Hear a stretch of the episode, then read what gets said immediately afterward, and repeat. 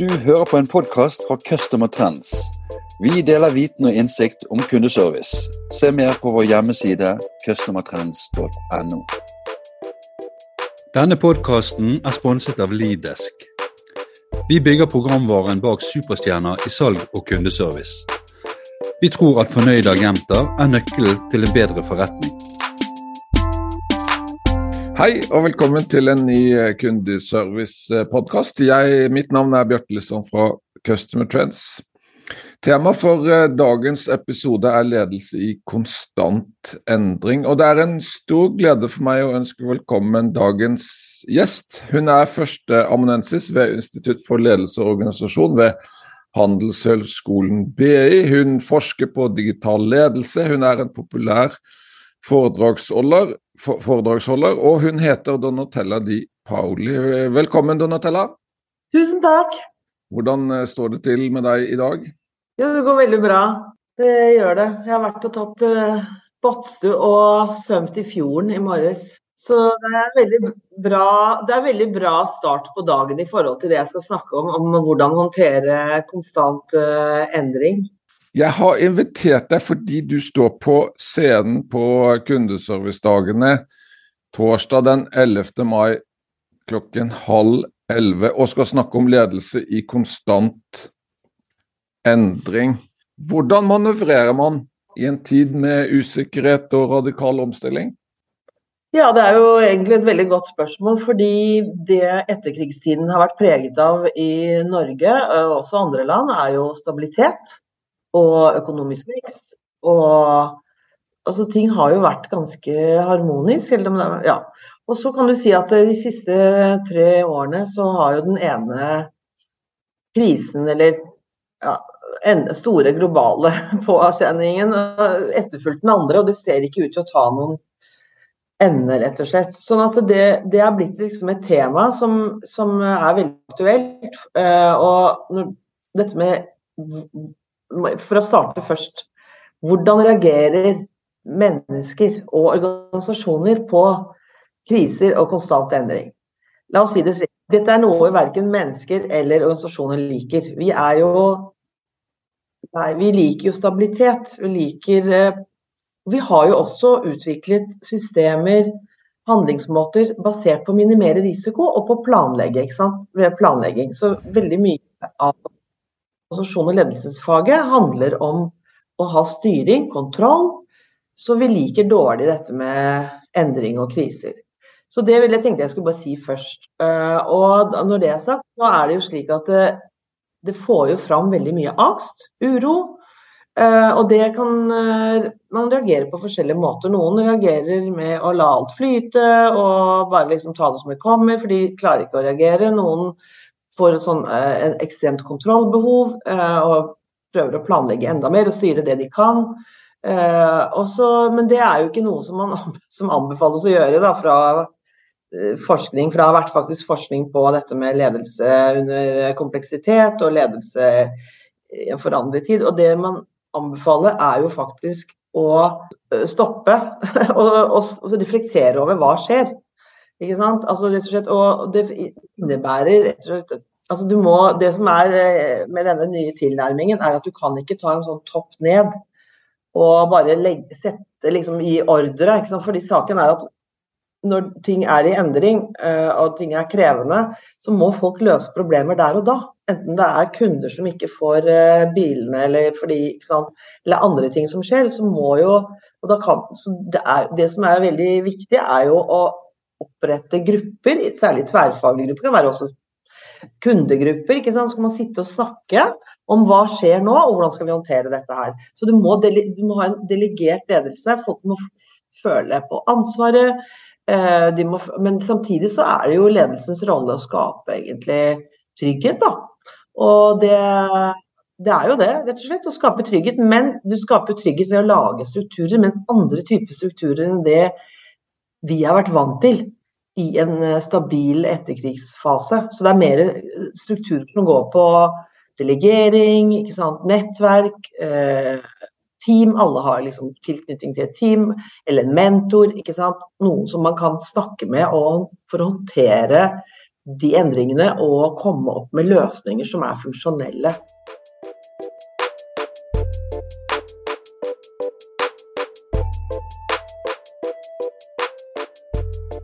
Men som leder, skal man, skal man være litt skuespiller da, eller skal man flagge altså den usikkerheten man, man også føler på selv?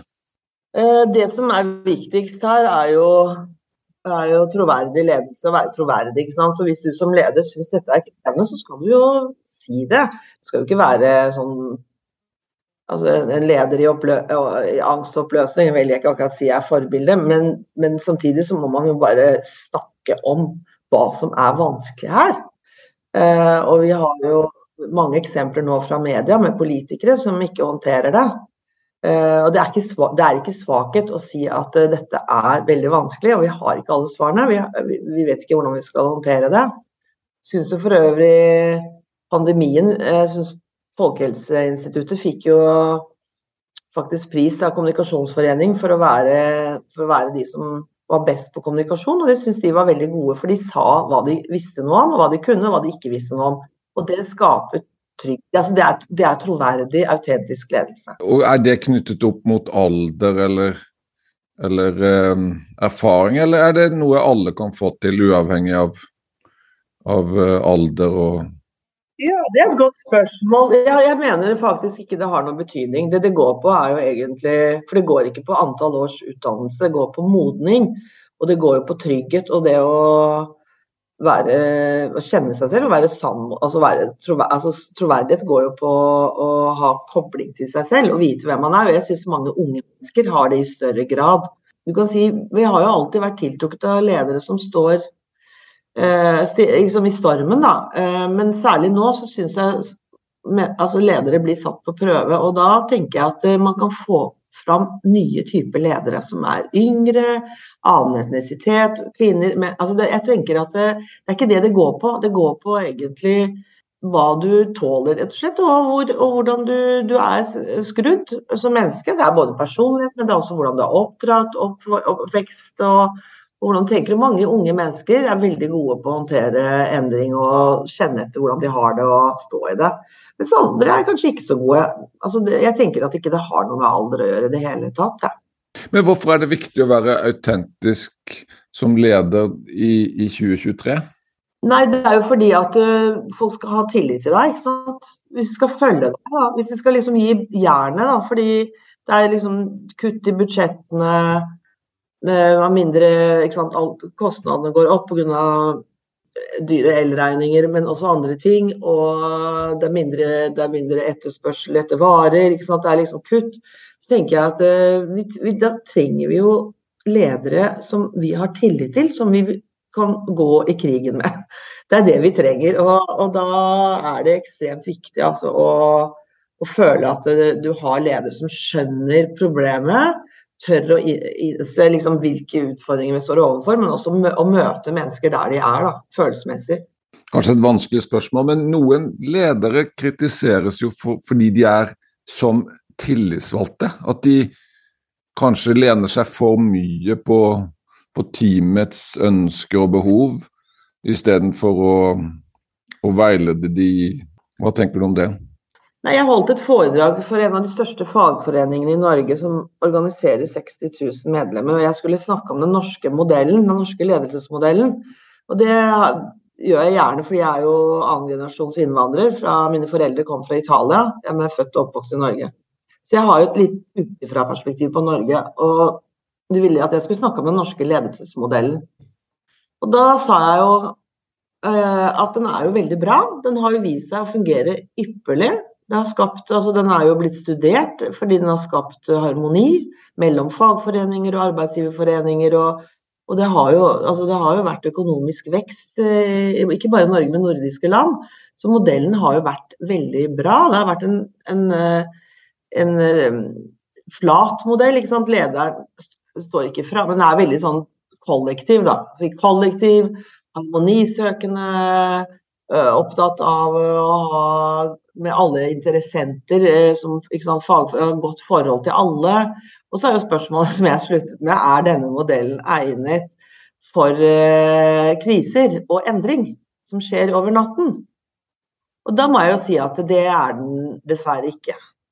Fordi det som er på en måte Nei, fordi at du må ha ledere som, som også kan handle. Altså, så Det er egentlig litt krevende ledelse i, i, dag, fordi du skal både egentlig delegere da folk på en måte ha team, tverrfaglig team, eh, prosjekt, nettverk, sånn, sånn, at de kan handle der de er. Men samtidig så må du også, når ting sånn som Det så man jo veldig godt under pandemien. Er at det treng, altså, no, altså Statsminister Erna reagerte, handlet, ga føringer på begrenset grunnlag. Vi må også ha ledere som handler, som tør å stå fram. Så hvis du er en veldig redd leder ikke sant, som ikke tør å gjøre, ta upopulære valg, så er det veldig farlig, vil jeg si, når det er eh, konstant endring og krise. For da kan du ende med at det, sant, det, er, det er, rett og slett eh, anarki. Det er, ingen som, ta, det er ingen som handler, det er ingen som står fram. Så det er jo så Derfor blir jo den norske modellen egentlig satt på prøve. Da, kan du si. Så jeg vil, si, jeg vil nyansere den norske modellen. Som toppleder så tenker jeg at du må være kanskje mer autokrat. Du, du, må ta ansvaret, du må stå i stormen. Du må være sånn Churchill, ikke sant. Eh, alle kjenner jo Eller Gerhardsen under eh, ikke sant. Så vi kjenner jo til den type ledere. Og så tenker jeg at på mellomledernivå lavere så kan du ha ledere som er den norske modellen. Som er involverende, som er tillits skapende, og som drar alle med seg. Så Nei, det er jo litt kompleks tid, men jo, vi vet jo det fra Det er jo laget så mange filmer om andre, første og andre verdenskrig at vi vet jo det. At det er i dårlige tider at de gode lederne står fram. Og de dårlige dessverre også kanskje må ut. det, det, det, er jo, ja, det, er jo, rett og slett en, en, en test. Men hva er de sentrale elementene i autentisk ledelse? Nei, det har jo vært et, en sånn tilnærming til, eller sånn ledelsestilnærming som har blitt veldig aktualisert da, de siste 20, 20 årene spesielt. Da.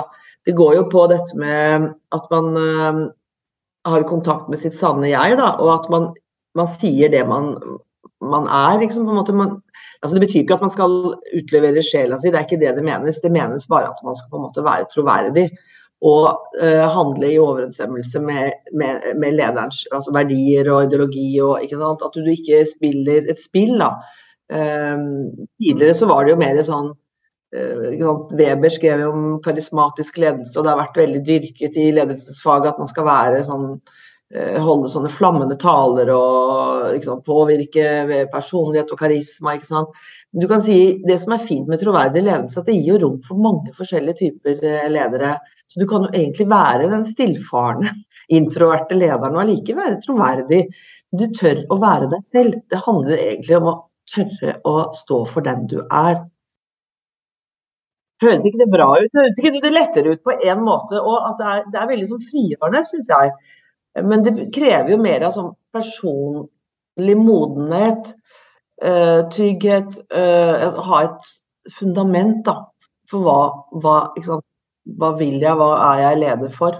Og Hvis jeg får lov å dele fra min egen lederkarriere, så, så um, mener jeg at en kjempeviktig egenskap er, altså er evnen til å se seg selv utenfra. Og evnen til å evaluere seg selv og hvilken effekt man har på de rundt seg. Det er veldig viktig. Ja, helt riktig. Det, er, det hører helt til det, faktisk. Selvrefleksjon. Kjenne seg selv. Altså, det høres veldig lett Det er veldig lett å si det. Eh, det er vanskelig. Altså, jeg oppdager nye sider ved meg selv hele tiden, føler jeg. Men det som jeg tror er viktig, er at du, at du er undrende, at du er spørrende, at du er ydmyk. At du tør å også se dine, eh, altså dine feilbarligheter og dine begrensninger, og kan snakke om det. Altså på en måte, og også ikke bare snakke om det, men faktisk også sørge for at du får en ledergruppe som utfyller deg. da. Ja, det er et godt, godt poeng. Mm. Men, så, men, så, er det noe med ledelse som jeg har reflektert litt over selv. at Det er liksom, altså det, er så, det, er så, det er så lett å tro at andre får det så lett til. at Det er, altså det er veldig lett å sammenligne seg med alle andre ledere, og kanskje føle seg litt underlegen. Men min erfaring er at kanskje at det er gjengs, at alle går og sammenligner seg med alle, og at nesten alle føler seg litt underlegen, kanskje litt underkvalifisert til, til stillingen eller ansvaret.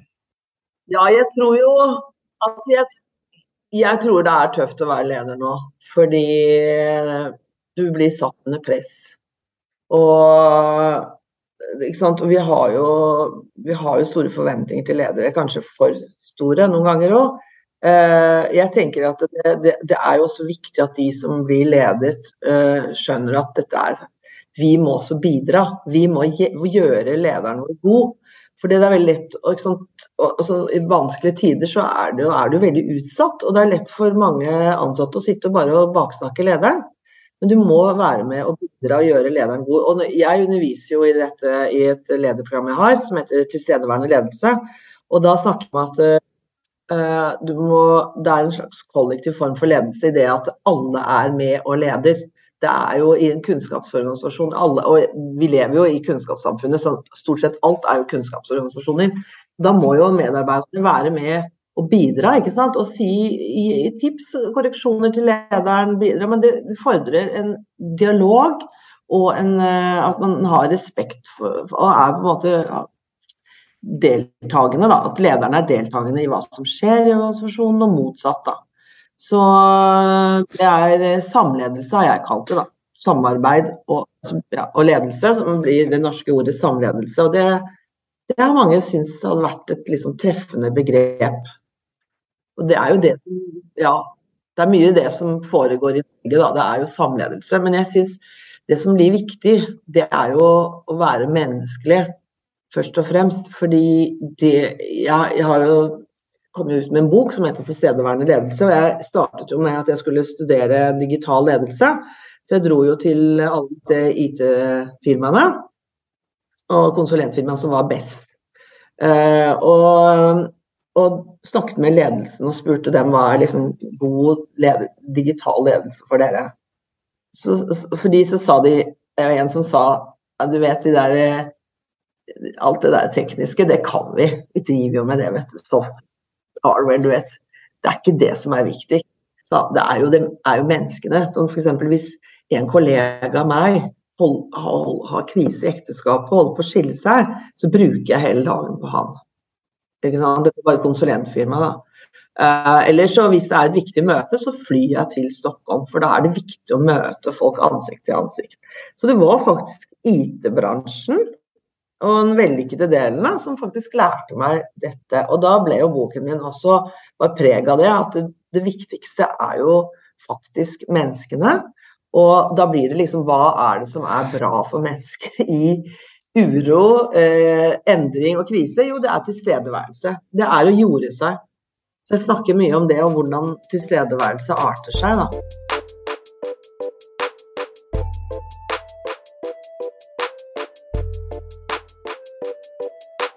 Vi nærmer oss eh, slutten. Jeg ville stille deg et litt sånn personlig spørsmål. Hva, hva er det som har gjort at du har valgt å vie så store deler av din karriere på å, å forske på på ledelse? Du kan si at Jeg startet egentlig ikke med ledelse. Jeg startet faktisk mer med organisasjonsdesign. Jeg var opptatt av teamprosesser og prosjekt. og mer sånn at Jeg var veldig opptatt av det harde innenfor organisasjonsfaget. Jeg. Så må jeg si at det, fordi jeg er en forsker som er i kontakt med virkeligheten, jeg holder foredrag, men jeg har også intervjuet mange ledere, så skjønte jeg etter hvert at det, det, er jo faktisk i vår tid, la oss si det i vår tid. ok, 1920, 30, 40, begynnelsen av industrialiseringen, så var organisasjonsdesign viktig. Men i vår tid så ser jeg bare at eh, vi kan jo alt det andre. Vi har så mye kompetanse og innsikt om det andre. Og vi har bra systemer og strukturer, men det som vi mangler fremdeles, er jo det å håndtere oss. Og det, det som jeg spesielt ble veldig opptatt av, var jo hva digitaliseringen gjør med det moderne arbeidsliv. Og det er rett og slett en del ulemper ved altså at vi kommuniserer digitalt, det er at vi ikke har kontakt med hverandre, skaper distanse. Men vi er også preget av distraksjoner, multitasking, apper, altså hele tiden. Og vi skal ta inn så mye informasjon. Så jeg ble veldig opptatt av dette med at tilstedeværelse, dette med å koble seg på kroppen og være til stede i seg selv, Det er veldig viktig. Og så kom dette med autentisk ledelse, som også er knyttet opp til det. Så derfor endte jeg med ledelse. Fordi jeg er opptatt av at jeg skal bidra med min kunnskap til å rett og slett ha en godt arbeidsliv, gode liv der ute. Så det er jo målet mitt, da. Nei, men Det var en fin måte å, å avslutte på. Jeg vil eh, takke deg, Donatella, for at du brukte av din tid og, og delte av din viten og innsikt. Bare hyggelig. Tusen takk for at jeg ble invitert. Ha en fin dag. Takk. Du har hørt en podkast fra Customer Trends. Vi håper du har latt deg inspirere og lært noe nytt. Finn ut mer om hvordan vi i Customer Trends kan hjelpe deg på customertrends.no.